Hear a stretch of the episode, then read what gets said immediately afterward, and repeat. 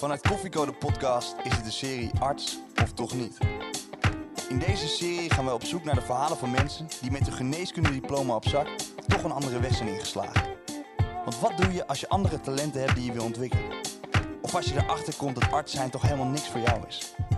Dit is Arts of Toch Niet. Welkom bij weer een nieuwe aflevering van Arts of Toch Niet. In deze serie gaan we in gesprek met mensen die met hun geneeskundediploma op zak uiteindelijk een andere weg zijn ingeslagen. Wij zijn Mare en Doris en vandaag zit bij ons aan tafel Tineke Plat, voormalig arts en momenteel werkzaam als ondernemer om artsen die vastzitten in hun carrière te begeleiden. Tineke, leuk dat je bij ons bent aangeschoven in de podcast. Voordat we de diepte ingaan tijdens dit interview, want dat gaan we zeker doen, beginnen we toch even met een luchtige vraag. Hoe drink jij je koffie het liefst? Ja, nou we hebben natuurlijk net uh, een bakje gehaald hier in het ziekenhuis. Uh, ja, plantaardige melk. Ja, en als ik dan moet kiezen, ja, havermelk of uh, ik heb recent erwtenmelk ontdekt. Oh. Ja, klinkt een beetje goor, maar het is het niet. nee, dat, het smaakt helemaal niet naar erwten, maar het heeft de substantie van volle melk, dus dat vind ik echt top.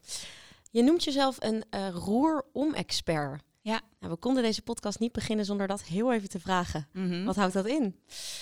Ja, ik heb mezelf gespecialiseerd in mensen helpen. En dat doe ik nu dus met artsen, maar het zou in principe met iedereen kunnen. Het roer om te gooien. En ook dat is zo breed als je het wil maken. Ik doe het dus nu met artsen die vastlopen in hun carrière. Maar je kan ook het roer omgooien op een andere manier. Sommige mensen willen emigreren of uh, noem het maar op, verhuizen naar een hele andere plek. Uh, dus het gaat eigenlijk over alles waarin je 180 graden de andere kant op gaat of overweegt om dat te doen. Mooie term. En ben jij de enige roerom-expert met deze die het echt zo noemt? Ja, dat denk ik wel, want ik heb het zelf bedacht.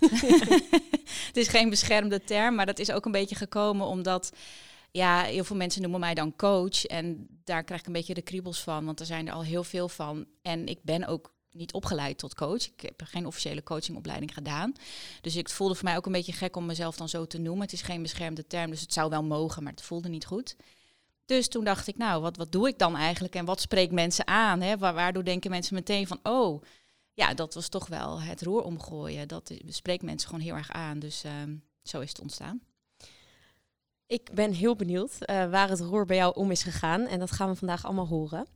Um, we gaan het namelijk hebben over jouw weg als arts uh, en daarna toch niet. En graag beginnen we dan helemaal bij het begin. Waarom koos jij in eerste instantie voor de studie geneeskunde? Ja, dat was eigenlijk al op de basisschool dat ik dacht van... Uh, het begon eigenlijk van ja, ik wil alle mensen helpen. Alle mensen van de wereld. Uh, en ja, dat, ik weet niet, dat heb ik toen bedacht, dat ik dan dokter moest worden. Het was niet dat ik daarin gestuurd werd of zo. Mijn ouders zijn ook uh, geen arts. In de familie komt dat verder niet voor. Dus het was iets wat uit mezelf is gekomen. En uh, ja, in eerste instantie werd ik uitgeloot. Toen heb ik een jaar uh, HBOV gedaan, dus verpleegkunde. En daarna ingeloot. En ja, het is gewoon zo gegaan eigenlijk. Nou, dat is wel een droom wat vanaf jongs af aan bestond eigenlijk. Ja. En toen was je begonnen met de studie. Ja. Hoe ging het je af? Nou, de eerste jaren was helemaal top. Want uh, ja, ik had wel heel erg de behoefte om te ontdekken hoe werkt het lichaam. En dus, dus dat helemaal leren, al die theorie. Uh, dat was in, toen ik uh, studeerde, was dat de eerste drie jaar, dus echt M1. Ja, dat, dat vond ik gewoon heel interessant en dat ging me ook goed af. Ik, ja, ik kon ook goed studeren, ik kon al die, die, die stof goed tot me nemen. Dus dat, dat was eigenlijk heel goed. En toen dacht ik ook van nou, helemaal perfect eigenlijk. En daarna in uh, de, de, de rest van de master, dan word je co-assistent. Ja. Uh, wat wij nu zijn en wat de meeste van onze luisteraars zijn. Hoe beviel die rol? Ja, nou dat, dat als ik nu terugkijk, waar het was, is het daar begonnen. Um, ja, als ik nu terugkijk, van ja, dat was, daar paste ik niet. Nee, dus dat was, was al heel snel. In het eerste jaar van de kooschappen, dus toen was ik vierde jaar als geneeskundestudent, moest ik om de vier weken een andere stage lopen. Ja, dat vond ik super heftig, want ik was in die tijd um, ja, onzeker, misschien ook een beetje naïef. Um, kat uit de boom kijken had ik heel erg.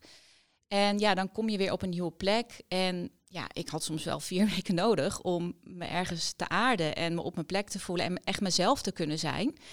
ja, en dan moest je dus alweer naar een andere plek. En het gevolg daarvan was dat ik eigenlijk heel vaak slechte beoordelingen kreeg.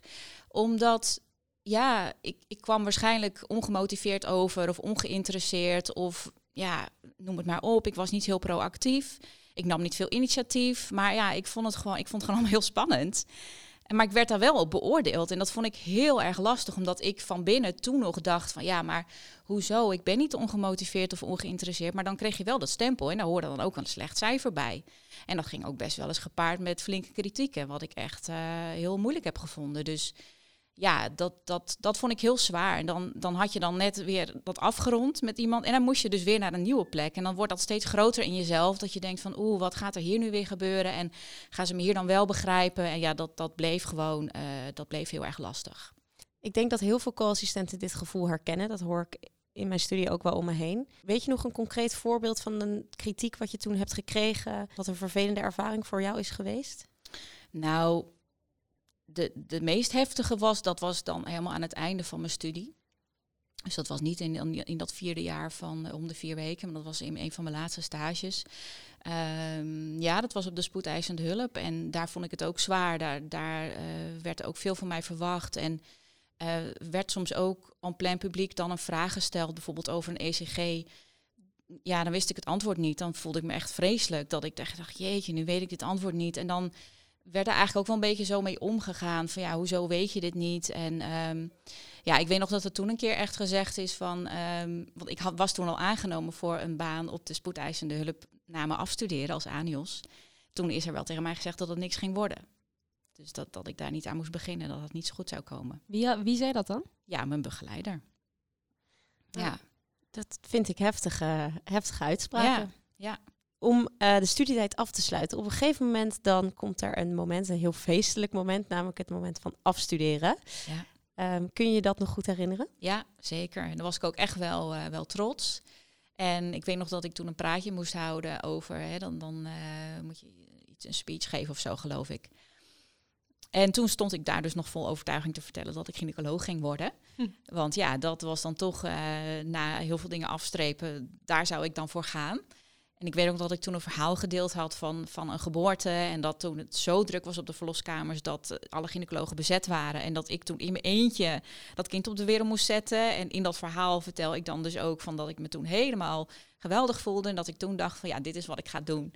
En laat, als ik nu terug ga, denk ik ja, natuurlijk vond ik het wel geweldig. Maar het was ook een verhaal wat ik mezelf begon te vertellen. Omdat je ergens ja, je, je, je, moet ook wel iets leuk gaan vinden, toch? Ik bedoel, ja, als dat, als dat er niet meer is, wat is er dan nog? Dus je, je begint jezelf ook dingen te vertellen om maar overeind te blijven, zeg maar.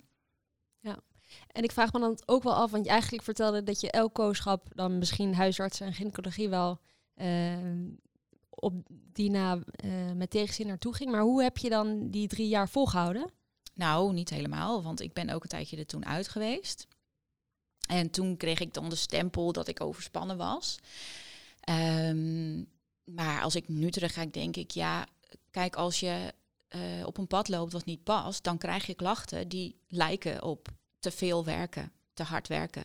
Maar ja, ik ben toch maar gewoon doorgebikkeld, want het gesprek ging daar ook niet over. Hè. Ik werd gewoon naar een psycholoog gestuurd en van ja, ga maar rust nemen en aan jezelf werken. Maar er was niemand die zei van joh, hoe gaat het eigenlijk met je? Vind jij het hier wel leuk? Hè? Heb je het wel naar je zin? Dat is geen onderwerp, was geen onderwerp en is het denk ik nog steeds te weinig. En we hadden op een gegeven moment kregen we dan wel een, soort van coach. Dat, hebben jullie misschien ook wel. Dat je één keer in de twee weken heb je dan een soort van onderwijs. En dan heb je intervisie met, met een groepje co-assistenten. Maar ja, die deed er nog een schepje bovenop. Want toen ik dat had gehad en eh, hij was dan gepensioneerd gynaecoloog. En op een gegeven moment vertelde ik natuurlijk van, nou, ik wil voor de gynaecologie gaan. Toen zei hij, nou, dan zou ik maar niet zeggen dat je overspannen bent geweest, want dan word je niet aangenomen. Ja, dit soort opmerkingen helpen dan natuurlijk niet. Als ik hem weer mag oppakken, uh, waar we eigenlijk in het verhaal dan gebleven waren, namelijk het moment dat je dan afstudeert als arts en je eerste baan gaat starten. Uh, wat was die eerste baan voor jou? Ik ben toen begonnen op de spoedeisende hulp als ANIOS. En hoe was dat? Ja, dat was op zich wel, um, dat paste wel heel erg bij mij in die zin dat ik heel erg hou van afwisseling en van het acute stuk. Um, de adrenaline, dat, dat, ja, dat vond ik wel echt heel tof. En ook, um, ja, wat, wat ik zwaar vond aan andere sommige dingen was dat je heel lang een pa patiëntenrelatie houdt, zeg maar, met iemand. En ik vond het juist fijn dat ik gewoon soms vijf minuten iemand zie en daarna nooit meer. Dat vond ik wel echt heel erg lekker eigenlijk. Uh, omdat ik denk ik ook wel last had van het grote verantwoordelijkheidsgevoel. En hoe langer iemand aan jou blijft in een patiëntrelatie, ehm, ja, dan, dan, dan voelt dat zwaar, zeg maar. Dus dat vond ik fijn aan het, aan het vluchtigen. En natuurlijk is de verantwoordelijkheid op een spoedeisende hulp ook heel groot, want daar gaat het juist vaak over levensbedreigende dingen. Nou, op de een of andere manier kon ik dat dan wel aan. Ik kon wel heel goed scherp blijven in acute situaties. En ja, dat ging me wel goed af. Wat grappig zeg, dat werken als arts, dat je, dat je veel beter afging dan het kooschappen lopen. Ja, ja, dat moest wel even uit de startblokken komen. Dat ik natuurlijk wel die stempel had meegekregen op die SCH-stage van dit gaat hem niet worden. Maar het triggerde ook iets in mij dat ik dacht van nou, dat zullen we dan nog wel eens zien. Dus dat, dat had ik ook wel heel erg. Dat ik dacht van ja, ik laat me niet zomaar iets zeggen. Want ik voelde zelf wel heel sterk van ja, dit is gewoon... Toen dacht ik van dit is wat ik wil. Um, ja, dus dat ging wel heel goed. Maar ik moet er wel bij zeggen, inhoudelijk was het top. Maar de hiërarchie bleef wel vond ik wel nog steeds zwaar. Hè? Want dan je blijft natuurlijk in die rangorde zitten. En uh, dan heb je die specialisten die uit bed moet bellen. Dan komt dat hele gevoel wat je als co-assistent hebt, komt gewoon weer op dezelfde manier terug. Je staat misschien een treetje hoger, om het even in hooglaag uh, te zeggen. Maar ja, je hebt nog steeds uh, iemand nog weer boven je die dan soms heel onaardig doet. Dus dat. Um... Voelde je dat dan ook? Elke keer dat je de supervisor moet bellen, dat echt je hart in je keel bonste? Nou, dat hing er vanaf wie het was ja, je weet gewoon op een gegeven moment, die, die kan ik prima bellen. Maar je had ook gewoon wel uh, mensen erbij die gewoon letterlijk ook zeiden, vlak voordat ze dan naar huis gingen om te slapen, van nou, uh, je moet mij niet bellen, want uh, ik heb een paar slechte nachten gehad. Pittig hoor. Ga dan maar eens bellen als het echt moet. Want ja, het moet soms wel echt. Dus, um... Zo, nou, over een stukje goede begeleiding gesproken. Ja. um, na deze eerste baan ben je als het goed is uh, heb je gekozen voor de huisartsopleiding. Klopt ja, dat? Klopt. Waarom koos je ervoor om huisarts te willen worden? Ja, omdat ik dus die hiërarchie, dat trok ik gewoon niet. Dat was toch de overhand. Dan moet ik het buitenziekenhuis zoeken. Nou ja, dan ga je natuurlijk, ja, verzekeringsgeneeskunde, bedrijfsgeneeskunde, nou dat is voor iemand als ik uh, helemaal niks. Dus ja, dan maar huisarts. En ja, dat is natuurlijk eigenlijk al niet met de goede motivatie. Hè. Ik begon daar niet aan dat ik dacht van, yes, dit is mijn passie en nu dit, dit ga ik doen. Nee, het was gewoon second best. Het was eigenlijk de laatste optie. Dus dan begin je eigenlijk al natuurlijk al met 10-0 achter. En hoe was de opleiding? Ja. ja. Je gezichtsuitdrukking spreekt boekdelen. dat de luisteraar Helaas dat, dat, je dat niet kan zien als ja, luisteraar. jammer hè, geen video. Nou, als je het zo omschrijven dan? Ja, hoe kan ik dit omschrijven? Een, een, een oogrol van hier tot um, Tokio? Ja. ja, weet je, ja, het was prima dat was prima. Ja, je, je doet het eigenlijk gewoon op basis van je ratio. Maar niet omdat je er heel erg blij van wordt. Maar je gaat dus ook door op basis van ratio. Je gaat niet voelen van, hey, vind ik het hier eigenlijk wel leuk? Je gaat gewoon door, want dit is gewoon het enige wat er nog is. Dus zo, zo ben ik er ook in gegaan. Ik heb het gedaan, maar het was niet met veel plezier. Nee, en ik denk ook, ja, als ik nu kijk, heb natuurlijk later heel veel onderzoek naar mezelf gedaan. En het was voor mij ook gewoon ehm, niet uitdagend genoeg, denk ik. Ging er in die tijd al een belletje rinkelen dat je dacht, ik hoor hier helemaal niet. Ik moet iets anders gaan doen. Nee, absoluut niet. Helemaal niks. Wat was het eerste moment dat er wel een belletje ging rinkelen? Ja, daarvoor moest ik eerst uh, zwanger raken en ziek worden. ja, dus dat was het eerste moment dat ik thuis kwam te zitten. En dat ik toen, omdat je dan helemaal uit die ratrace bent, dat je dan gaat denken van, um, hmm, is dit nog wel wat ik wil? Dit was tijdens de opleiding?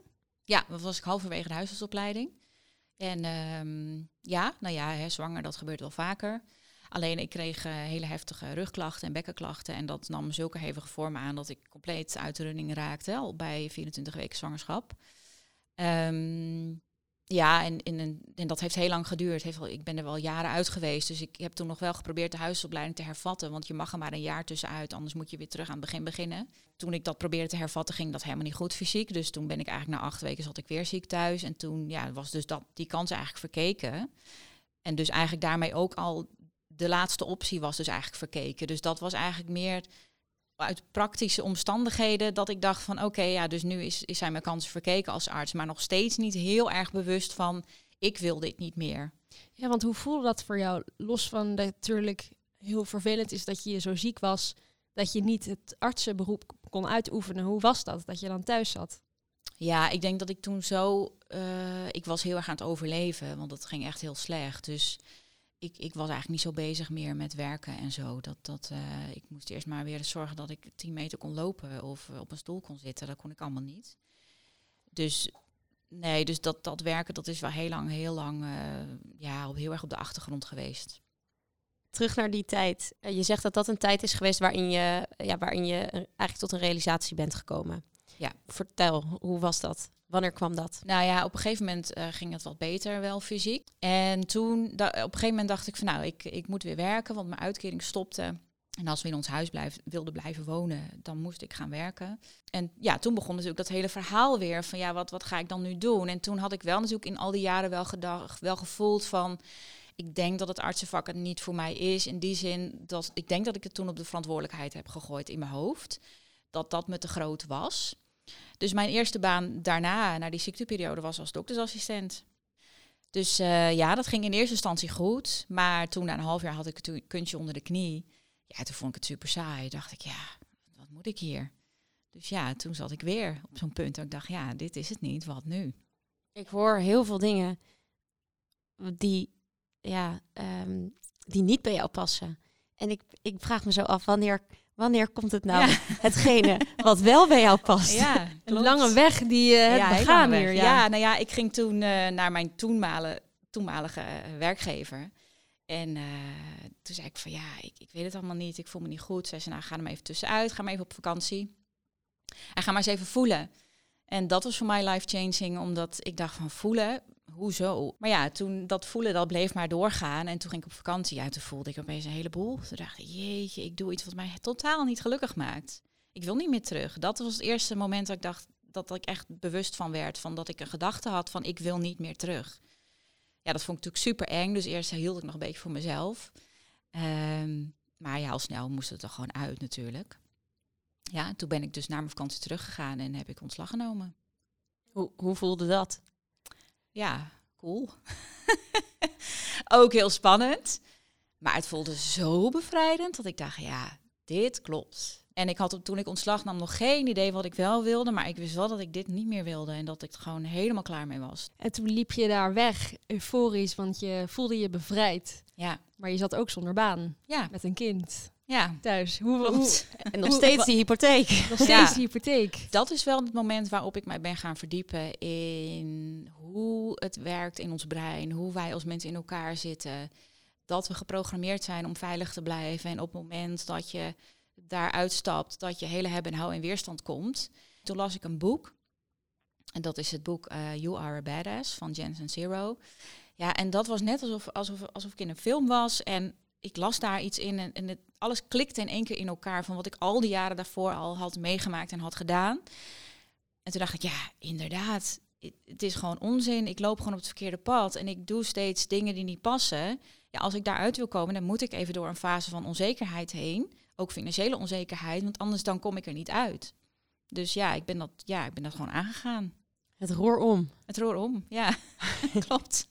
Uiteindelijk ben je nu, eh, nou ja, coach, hoe je het zelf niet wil noemen, maar roerom-expert. Ja. Hoe ben je daar vanuit dat je dat in het boek las gekomen? Ehm, ja, ik heb in die tijd, ehm, ja, ik had dus geen werk, dus ik had alle tijd om tot, eh, tot bezinning te komen, zeg maar. En ik heb toen een aantal ehm, ja, trainingen gedaan waarin ik eh, ging leren hoe ik contact moest maken met mijn intuïtie. Toen kreeg ik op een dag een ingeving dat ik retreats wilde organiseren. Nou, dat doe ik nu nog steeds. Dat was ook een ingeving waarvan ik dacht, ja, dat is wat ik moet doen. En, en ik ga andere mensen helpen met dit, met wat ik ontdekt had. Van dit is waarom we massaal dingen blijven doen die we eigenlijk niet willen. En dit is hoe we dat kunnen veranderen. En dat, dat resoneerde zo hard bij mij, dat daar ging zoveel passie kwam er in mij naar boven. Ik dacht, ja, dit moet iedereen weten, hier ga ik wat mee doen. Ja, en toen kreeg ik ook uiteindelijk weer een ingeving dat het over artsen moest gaan. En dat vond ik eerst helemaal super a-relaxed.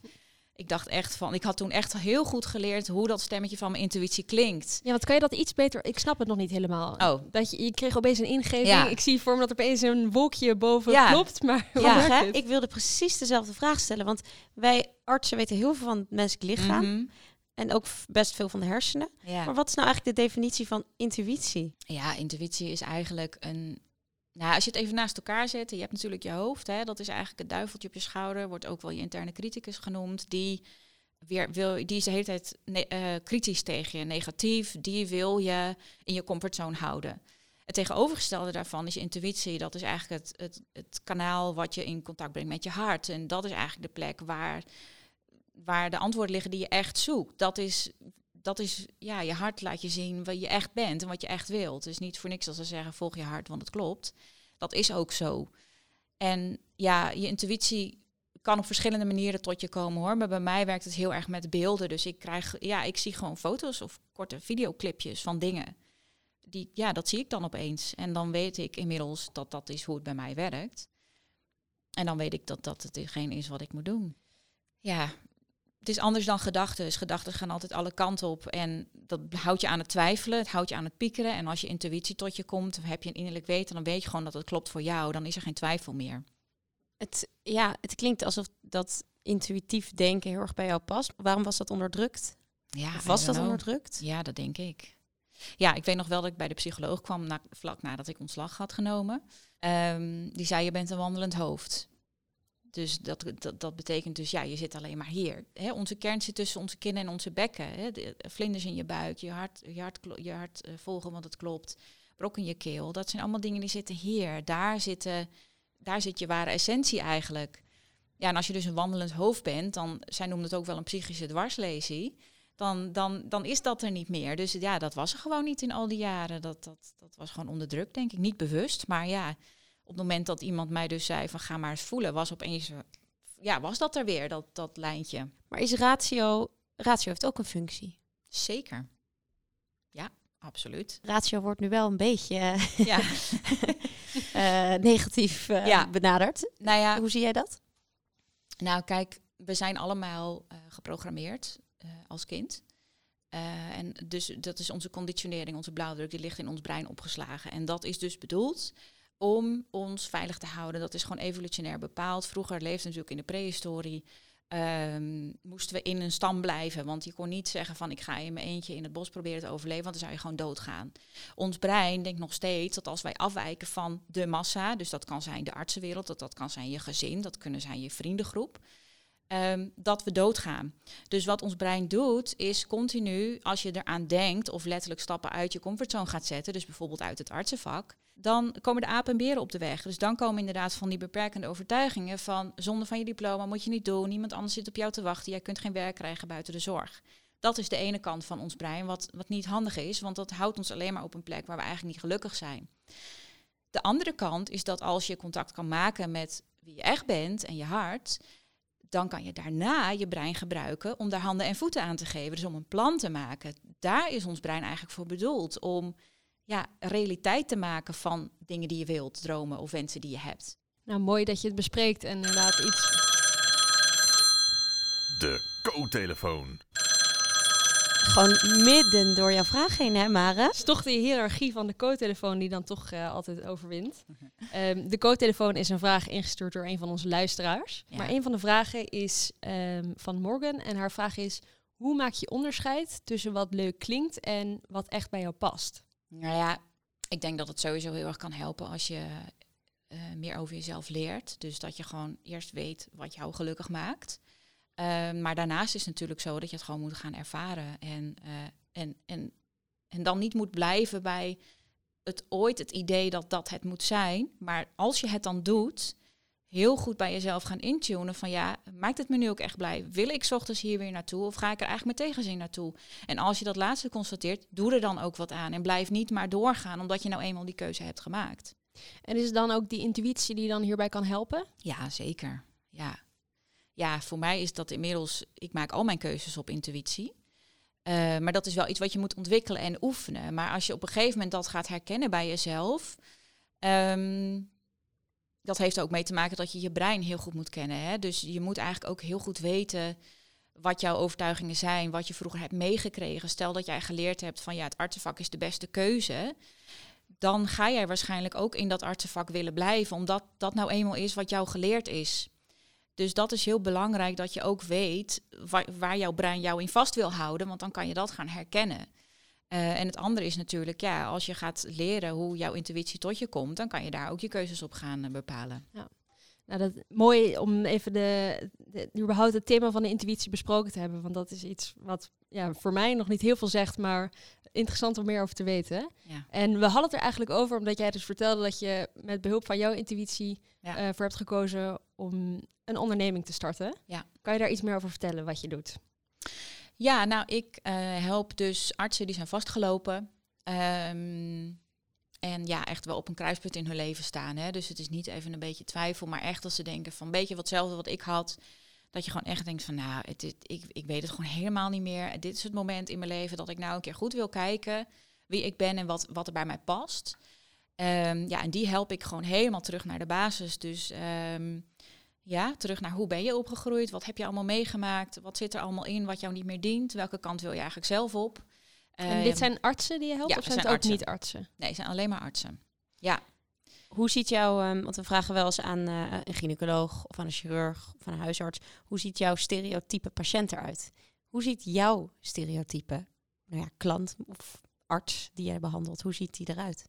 Nou, het zijn meestal mensen tussen de 30 en 55, zoiets. Dus ze zijn al wel, ze hebben, zijn echt wel afgestudeerd. En ik merk gewoon wel dat het voor heel veel co-assistenten of, of artsen die net zijn afgestudeerd is, die zitten toch nog wel vaak dat ze denken, ja, ik, ik ben hier nog maar net. Ik moet het nog even een tijdje proberen. Hoeft wat mij betreft niet, maar dat is wel vaak hoe het gaat. Dus ik zit wel, de meeste artsen die bij mij aankloppen zijn, zijn ja, echt tussen de 30 en 55 ongeveer.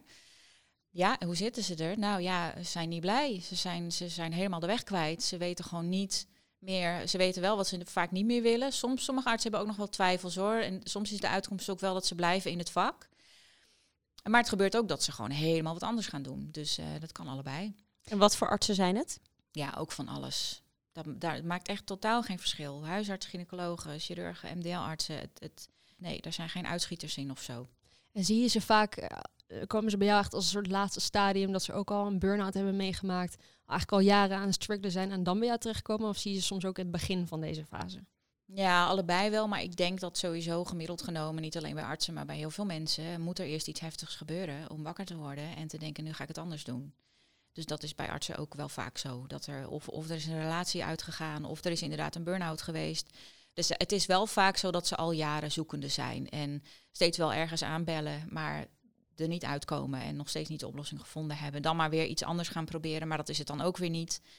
Ja, en dan uiteindelijk denken ze van ja, nou vind ik het wel mooi. Ik wil nou eens een keer echt weten wat ik wil. Ja, want Tineke, jij bent een roerom-expert en je hebt eh, het roerom, de, Ja. de roerom-methode Ja, ontwikkeld. ja. Hoe werkt dat? Wat is de methode? ja, de methode bestaat uit drie stappen. Dus de eerste stap is het proces van het brein. Daarna komt het proces van het hart. En als laatste proces van doen. Nou, het gaat dus een beetje over wat ik net al zei. Dus je, ja, je moet eerst weten wat jouw brein allemaal van jou vraagt. Want 95% van alles wat we doen wordt bepaald door ons onbewuste brein. En als je daar niet mee aan de slag gaat, dan zal jou dat altijd onbewust saboteren. Dus je moet eerst weten, en, en dat, dat onbewuste brein is geprogrammeerd in je jeugd, met name van 0 tot 7 jaar. Dus daar gaan we eerst naartoe terug. Hoe ben jij opgegroeid? Wat voor voorbeeld heb jij gehad van je ouders? Eh, mocht je wel fouten maken vroeger of juist niet? Of nou, allemaal dat soort dingen. Daar gaan we eerst naar kijken, want daar zit gewoon vaak een heleboel wat, wat in de weg zit. En daarna komt de weg vrij om echt naar je hart te luisteren van wat, wat ligt daar dan?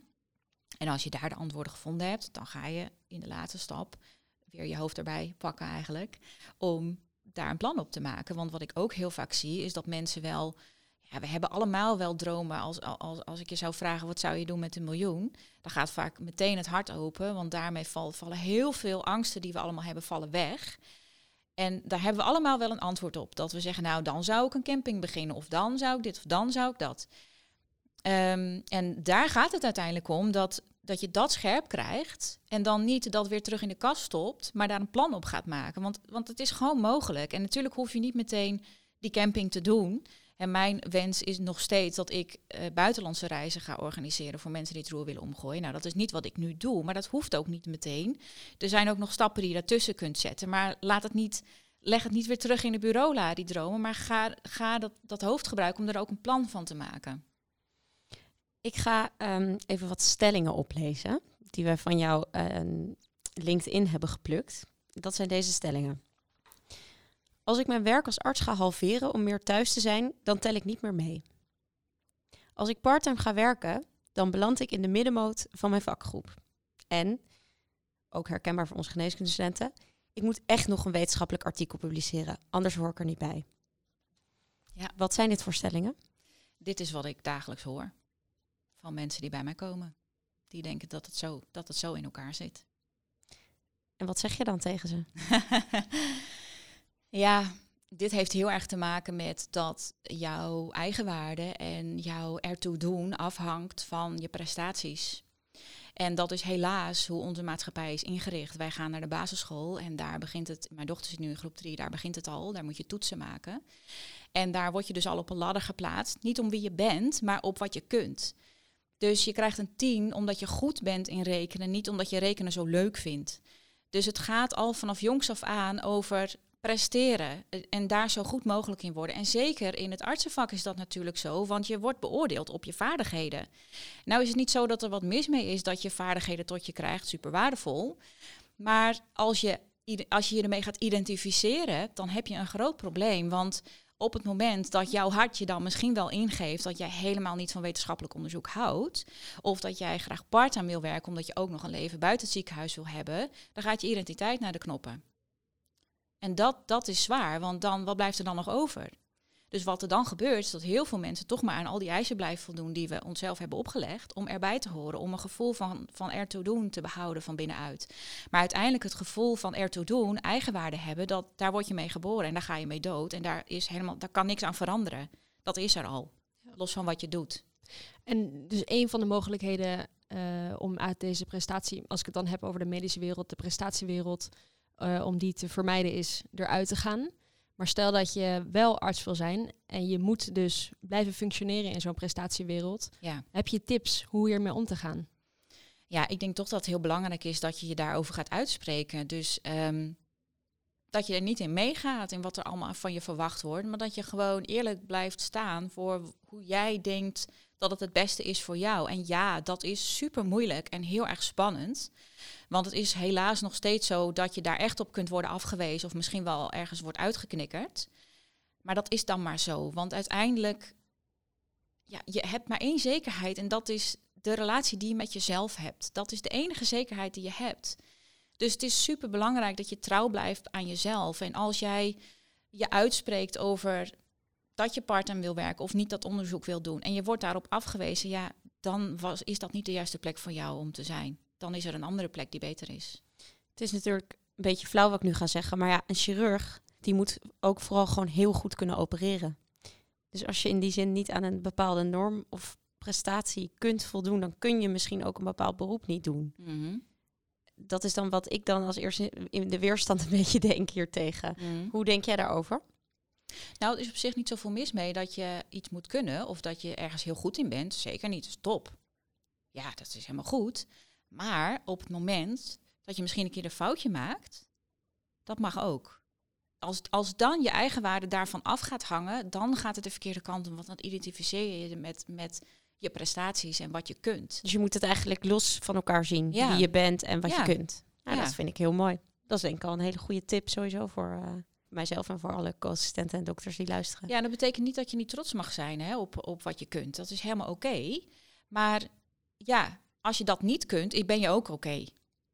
Ja. Het- Je bent altijd oké. Het maakt niet uit wat je doet. Ook als je op de bank gaat zitten, Netflix kijken, de rest van je leven, ben je helemaal oké. Ja, nou ja. Ik Ja. weet niet wat er nog gebeurt. Als dat is wat jou gelukkig maakt. Ja, Ja. ja. Ehm, wat is het meest schokkende dat een ehm, klant, eh, noem jou jouw Ja. artsenklanten? Ja. Dat jouw klanten, ehm, of wat is het meest schokkende dat een klant ooit tegen jou heeft verteld? Of was het allemaal wel herkenbaar? Ja, ik denk het wel. Nou, wat, wat wel gewoon. ehm, wat over het algemeen zo is, bij mijn klant, is dat het geheim moet blijven dat ze bij mij zijn. Dat vind ik nog steeds heel schokkend. Ik ben er inmiddels aan gewend.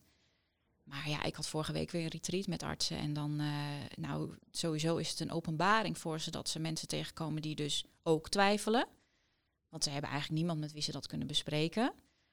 Maar meteen volgt er dan, ja, en ik heb dit niet aan mijn collega's verteld hoor, die mogen dat niet weten. En wat geven ze als reden daarvoor dan? Dat ze dat niet mogen Ja, weten? bang dat ze eruit worden gezet of niet meer terug mogen. Ja, of dat ze inderdaad afdalen in die ladder. Dat, dat ze niet meer bij die groep horen die het allemaal zo graag willen en er helemaal voor gaan.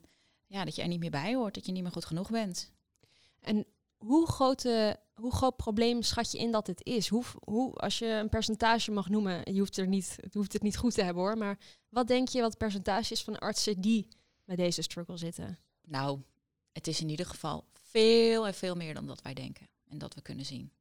Ik denk echt dat, dat, dat we het topje van de ijsberg in zicht hebben, maar ik denk dat het een heel, heel, heel groot... Ja, ik weet ook niet, ja, is het een probleem? Weet ik niet. Maar het is... Het is uh, ja, artsen die niet goed in een vel zitten, niet op een plek zitten. Ja, is eigenlijk wel een probleem. Ja, nee, ja, ik, ik, maar een percentage. Nee, dat begrijp ik. Dat, dat weet ik niet. Maar een groot probleem. Het is een groot, veel groter dan dat we denken. En waar ligt het nou aan? Um, Want in jouw geval, dat is wat ik, waar ik aan moet denken, was het ook veel, ja, de, de hiërarchie, ja. Uh, de cultuur. Ja. Dat beviel jou niet nou, inhoudelijk als arts. Als ik het zo hoor, was je toch iets meer een, een, uh, een, een manager of ja. een doener. Ja. Maar waar ligt het nou aan bij die mensen? Nou, ik denk dat het tweeledig is. Uh, je hebt natuurlijk, je hebt een grote groep die inmiddels, nou niet. Kijk, ik denk dat er gewoon artsen zijn die niet in het, die niet het systeem niet fijn vinden. En met het systeem wordt dan bedoeld de hoge werkdruk, de manier waarop er met elkaar wordt omgegaan. Uh, nou ja, de hele bureaucratie natuurlijk. Nu ook na COVID is dat natuurlijk alleen nog maar erger geworden. Er zijn wel heel veel artsen die zeggen van ja, ik vind het vak inhoudelijk wel heel erg leuk, maar de hele romslomp eromheen, dat past mij gewoon niet meer. Dan is er nog een groep die ziet dat de manier waarop we de geneeskunde uitvoeren niet voor de lange termijn houdbaar is. Dus dat we te veel overal poeders en pillen instoppen, maar dat we veel meer naar de preventieve leefstijl geneeskunde moeten om gezondheid, eh, ja, klachten voor te zijn. Daar hoor ik heel veel geluiden over. Maar er is ook nog een groep van mensen die gewoon een keuze hebben gemaakt en later denken, dit past niet bij mij. En ik vind dat er te vaak nu gezegd wordt van waar moet dit heen met de zorg, als zoveel artsen twijfelen. Ja, en, en dan wordt eigenlijk gezegd, wat zegt dat over het zorgsysteem? Ja, het zegt iets over het zorgsysteem, maar ook niet. Als een leraar uit het onderwijs stapt, ja, dan kan dat aan het onderwijs liggen. Maar het kan ook gewoon zo zijn dat diegene gewoon een baan heeft gekozen die niet past.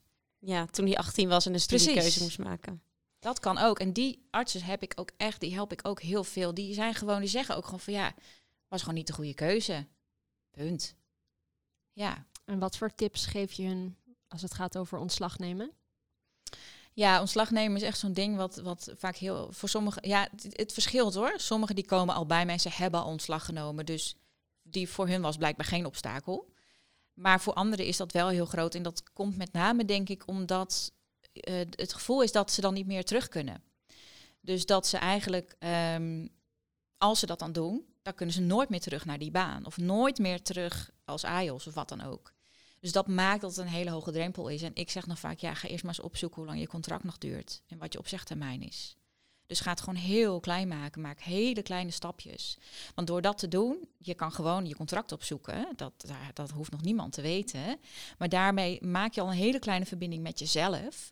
Van ja, dit is, dan ga je ook voelen als je dat contract opzoekt en je ziet die einddatum staan, wat dat met je doet. En als je dan weer denkt van ja, oh, wat zou dat lekker zijn als het dan klaar is. Nou, heb je weer een nieuwe bevestiging van ja, dit is de kant die ik op mag gaan. Ga daarna eerst maar eens een gesprek inplannen met je baas. Je hoeft nog niet meteen te zeggen van ik ga ontslag nemen. Ga gewoon een gesprek. Dan is het ook weer, de eerste stap is bel de secretaresse. Mensen maken het vaak heel groot, maar um, maak het zo klein mogelijk. Hele kleine stapjes. En al die stapjes achter elkaar zorgen uiteindelijk voor dat je over die hobbel heen komt. Mooie tip. Als je nu terug naar jouw verhaal, uh, als je nu in hindsight terugkijkt, hoe denk je dan over de, de studiekeuze geneeskunde? Voor mijzelf? Ja. Nee, dat, dat was niet de goede keuze. Nee, maar dat is helemaal oké. Ja, wat kon ik? Ik kon het niet weten. Dus ik heb niet spijt of zo. Of dat ik denk, ik, ik had het anders of beter moeten doen. Uh, maar nee, het, het, was gewoon niet de goede keuze voor mij. En als je iets tegen jezelf zou kunnen zeggen uh, van die tijd, in, in, die tijd dat je het zo moeilijk hebt gehad als, als jonge arts, ja. wat zou je dan zeggen? Um, ik denk dat niks geholpen had. Nee? Nee. Je had oogkleppen op? Ja.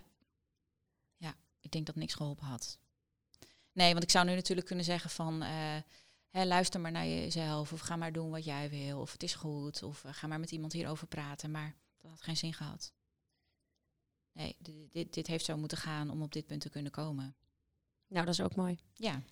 Ik ben nog benieuwd naar één dingetje. Want we hadden het in het begin, eh benoemd dit al even heel kort. Ik noem mezelf geen coach, eh, want dat zijn er al zoveel. Hoe kan het dat er zoveel toenemende mate van coaches zijn? Ja, ehm, ik denk gewoon dat er... Maar bedoel je dan als arts of gewoon over, Ja, binnen de medische wereld. Ja. Nou ja, dat heeft denk ik te maken met dat heel veel artsen wel in essentie eh, van dit vak houden, omdat ze graag mensen helpen. Maar de, de kaders waarbinnen dat moeten doen, past voor heel veel niet meer. En als je natuurlijk voor jezelf begint als coach, dan heb je die kaders niet meer, of in ieder geval in veel mindere mate. Dan kan je zelf bepalen hoe je het inricht. Maar kan je wel nog steeds datgene wat je er zo mooi aan vond, het helpen van andere mensen, kan je nog steeds doen. Makes sense. Makes sense, inderdaad. Ehm, we willen toch ook iets weten over jou als, eh, als mens. Ja. Ehm, wat doe je naast het eh, coachen, ondernemen en ehm, artsen helpen? Ehm, nou, wat doe ik? Ja, ehm, nou ja, eigenlijk is het gewoon ook wel echt zo. Het klinkt een beetje flauw, maar mijn werk is ook wel echt mijn, ja, mijn hobby is het niet. Want ja, natuurlijk moet ik ook dingen doen die echt als werk voelen en die niet, niet altijd leuk zijn. Dat heb je overal. Zoals? Nou, bijvoorbeeld de boekhouding. Ja, dat doet mijn man dus, want dat, anders komt het niet goed. Ja, ja. nee, maar tuurlijk, ja, ik zeg altijd 80-20. Ook als je je hart volgt en je dromen waarmaakt, is dan altijd 20% van de dingen die je doet zijn niet leuk. Dat heb je met alles. Goeie side note. Ja, dus, maar ja, dus eigenlijk is mijn werk al, vo- voelt voor mij al alsof ik dat buiten mijn werk doe, want ik vind het gewoon zo leuk om te doen. Maar daarnaast, ehm, ja, ben ik wel graag ook op pad. Dus daar zit ook wel weer dat afwisseling en dat avontuurlijke in van, eh, ja, dagjes weg, weekendjes weg, vakanties. En daar heb ik natuurlijk ook veel meer vrijheid in, dus dat vind ik echt heerlijk. Ja. En ook, je had een lijstje met dingen om iets beter, eh, om iets meer te leren kennen wie je bent. En een van de dingen is dat je niet oud wil worden zonder spijt te krijgen van dingen die je niet hebt gedaan. Ja. Wat is iets wat je nog moet doen? Nou, ik wil in ieder geval nog een keer terug naar Indonesië met mijn gezin, want daar heb ik ooit een kooschap gedaan. Ehm, ja, daar moet en zal ik nog een keer naartoe terug. Maar er zijn echt wel een heleboel dingen hoor. Maar ik voel inmiddels ook niet meer dat dat dan niet gaat gebeuren. Ik, ik heb inmiddels gewoon de formule ontdekt, en die gun ik dus iedereen, dat als je iets wenst of wilt, dat dat ook gewoon kan. En dus ja, wat ik ook nog bedenk, dat ga ik ook doen. Ik wil ooit nog een boek schrijven. Eh, ik zou inderdaad ooit nog naar het buitenland willen met mijn retreat. Dus dat ga ik ook gewoon doen. Ben je nu gelukkiger dan je toen was? En hoe merk je dat? Nou, ik heb nu voor het eerst een leven waarin ik ochtends denk, ja, ik heb er zin in. Dat heb ik nooit gehad. En daardoor heb ik ook, denk ik, de overtuiging ontwikkeld dat ieder, ik dacht dat iedereen dat had met werken. Dat je ochtends met tegenzin opstaat. En dat je, ik keek altijd rijkhalsend uit naar het weekend en de vakantie. Echt altijd. Ik dacht dat dat normaal was, totdat ik mijn roer ging omgooien. En nu weet ik dat dat niet zo- zo hoeft te zijn. Dat, je, dat er voor iedereen iets te doen is waarbij je dat gevoel niet hebt. En dat je eh, met plezier gewoon na de vakantie weer denkt, ja, ik mag weer werken. Ik hoop dat dat zo is. We zitten volgens mij namelijk ook nog in een crisis waarin we overal mensen tekort hebben. Dus sommige banen moeten ook gedaan worden. Ja. Ja, maar ja, op elk potje past een dekseltje, vind ik, denk ik. Ik vind, ik vind het een hele mooie manier om er naar te kijken. En eh, daarmee sluiten we dan ook dit interview af. Maar dat kunnen we natuurlijk niet doen eh, zonder dat jij jouw gouden tip eh, meegeeft aan onze luisteraars. Er zijn al heel veel tips gegeven, maar wat zou jouw tip zijn? Nou, wat ik in ieder geval altijd wel als boodschap uitdraag is, ehm, je hebt dit leven maar één keer te besteden. En je gaat op een dag dood. Dat kan morgen zijn, dat kan over tien jaar zijn of over vijftig jaar, maar je gaat dood. Doe gewoon in hemelsnaam waar jij gelukkig van wordt. Doe dat gewoon. Je hebt maar één kans. En je wilt echt niet. Ik hoor zoveel artsen die gepensioneerd zijn, om het even bij artsen te houden, die zeggen: Ja, ik heb mijn hele leven gedaan wat, ik eigenlijk, wat me eigenlijk helemaal niet gelukkig maakt. En dat, dat gun ik echt niemand. Dat is een heel vervelend gevoel. Dus ja, en, en om bij je intuïtie te komen, eh, zoek de stilte op. Ja, be silent and listen. Mooie tip. Dan de aller, allerlaatste vraag die we stellen. ehm, is iets wat eigenlijk denk ik al wel een duidelijk antwoord eh, gaat hebben. Maar dat is ehm, met de kennis en de kunde die je nu hebt. eh, als je de keuze opnieuw moet maken. Is het dan arts of toch niet? Nee, zeker niet. een hele duidelijke nee. Zo'n duidelijke nee hebben we denk ik nog nooit gehad. dat denk ik ook niet. Nou, ehm, fantastisch dat je hier vandaag met ons wilde zijn, Tineke. Ehm, ik hoop dat je het leuk vond. Zeker. En ik hoop dat onze luisteraars hier wat aan hebben gehad. Ik vond het zelf een heel inspirerend verhaal. Dus dankjewel. En lieve luisteraars, tot de volgende keer bij Koffiecode Podcast. Yes, en vergeet niet te liken, abonneren op onze kanalen, op de social media. En we zoeken altijd artsen. Ja, dat is nog wel leuk hè. We zoeken altijd artsen die toch geen arts zijn. Ja, Dus ook die tips zijn meer dan welkom. zeker. Dus ehm, stay tuned. Da ba da ba da.